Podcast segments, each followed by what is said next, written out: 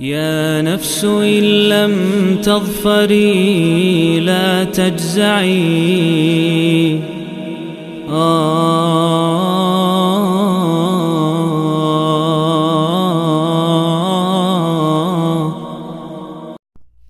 Bismillahirrahmanirrahim Alhamdulillah Wassalatu wassalamu ala rasulillahi amma ba'd Ini adalah audioku 91 dari serial 114 hari Menyambut bulan Ramadan. Dan kita kali ini di surat Ash-Shams. Surat Ash-Shams adalah surat Makiyah yang turun setelah surat Al-Qadr. Sebelum surat Al-Buruj. Surat yang terdiri dari 15 ayat ini disebut dengan nama Asyams yang artinya matahari. Diambil dari ayat pertama surat ini di mana Allah Subhanahu wa taala berfirman wasyamsi wadduhaha demi matahari dan demi duhanya dan uh, tema besar dari surat Asyams ini adalah pensucian jiwa pensucian jiwa tazkiyatun nufus Hal tersebut dapat terfahami karena di sini Allah Subhanahu wa taala bersumpah dengan banyak sekali objek sumpah. Istilahnya dalam ilmu balaghah bersumpah dengan banyak sekali muqsambihi. Yaitu Allah Subhanahu wa taala bersumpah dengan 11 muqsambihi. 11 objek sumpah. Allah bersumpah wasyamsi satu, wadduhaha dua, wal qamari idza talaha tiga, wan nahari idza jallaha empat, wal laili idza yaghshaha lima.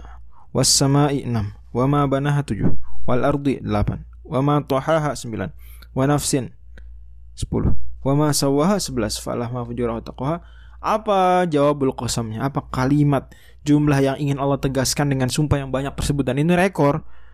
Tidak ada satu uh, sumpah yang sebanyak ini muksambihinya artinya dengan huruf huruf ataf dan dan dan dan untuk menegaskan satu uh, kalimat satu pernyataan satu jawabul qasam melainkan ini yang paling banyak. Nggak ada yang sebanyak ini.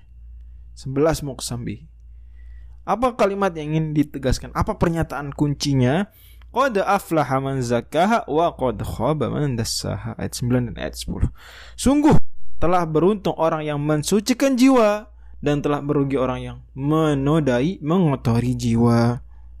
Masya Allah. Ini kuat sekali pesan besar ini. Ya. Pesan besar di mana salah satu tujuan dakwahnya Nabi Shallallahu Alaihi Wasallam seperti di surat Al Jumu'ah Allah singgung adalah mensucikan, mensucikan. Maka jiwa ini mesti disucikan dan korelasi tema besar tazkiyatun nufus pensucian jiwa dengan matahari adalah karena dari kata huruf shin, mim dan sin penyusun dari syams matahari itu makna istiqoqinya adalah hiddatun balighatun tatarakazu fi syai tanfudhu minhu wa min kathratiha yaitu ibarat jiwa ini ibarat matahari sederhananya. Apa? Dia itu ketika sudah dibersihkan disucikan akan memancarkan cahaya dari dirinya sendiri. Persis seperti matahari adanya. Persis. Bahkan kuat. Cahayanya menembus. Ya cahayanya menyebar banyak. Cahayanya hiddah kuat balighah masya Allah. Ada pusatnya pusatnya dari sesuatu. Itulah jika Allah bersumpah dengan matahari kemudian menyuruh kita untuk ya dan lain-lain tapi matahari ini jadi nama surat berarti dia poin besar di situ karena sudah disinggung Imam Asyuti kaidahnya bahwa nama surat itu punya munasabah punya hubungan dengan topik utama surat. Ya. Maka kata uh, seolah-olah Allah mengatakan bahwa sucikan jiwa kalian. Maka ketika jiwa kalian sudah suci, jiwa tersebut akan memancarkan cahaya yang kuat, terang benderang dan banyak menyebar sebagaimana matahari. Di antara pencerahan-pencerahan yang bisa diberikan oleh hati yang sudah dibersihkan tersebut adalah mencerahkan dengan bentuk dakwah mencerahkan dalam bentuk sebelum itu amal soleh, kata-kata yang mulia, keyakinan yang kuat, amalan hati yang tulus dan murni. Itu dia. Masya Allah. Allah bersumpah banyak sekali untuk menegaskan tadi. Qad aflaha man zakkaha wa qad khaba man. Kemudian Allah Subhanahu wa taala berikan contoh orang-orang yang justru memilih untuk dasaha, untuk menodai mengotor jiwa. Allah ambil contoh, kadzabat Thamud bitawaha. Bangsa Thamud telah mendustakan ya. Dan mendustakannya dengan kepongahan mereka, sikap melampaui batas mereka. Ketika salah seorang di antara mereka yang paling celaka, idzin ba'atsa itu bangkit. Ada sembilan orang berkomplot tapi yang paling parah paling celaka itu Kudair bin Salif. Di mana dia apa? Menyembelih unta mujizatnya Nabi Soleh alaihi salam. Nabi Soleh sempat sudah memberi peringatan mereka. Fakol Rasulullah Rasulullah di sini maksudnya Nabi Soleh hati-hati. Naqatallahi wa suqiya jangan ganggu untanya Allah. Ini unta Allah ciptakan dan Allah sandarkan kepada nama Allah sebagai bentuk pemulihan kan ini unta istimewa, unta mujizat. Ya, jangan juga ganggu-ganggu.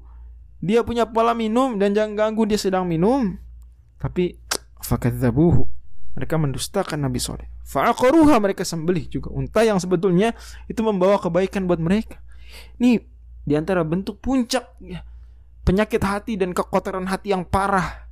Karena Nabi Soleh justru membawa masalah buat mereka. Jangankan di akhirat, di dunia pun mereka diberi masalah, dapat masalah dari adanya unta tersebut dengan mereka dapat susunya, diambil unlimited hanya selang-seling saja hari minum hari mengambil susu seperti itu tapi demikianlah. Maka kata Allah, "Fadam da ma'alihim rabbuhum bidzambihim fasaw Allah hukum mereka." Wala yakhaf Allah tidak takut akibat daripada keputusannya tersebut. Dan ini pesan besar surat Asy-Syams ini.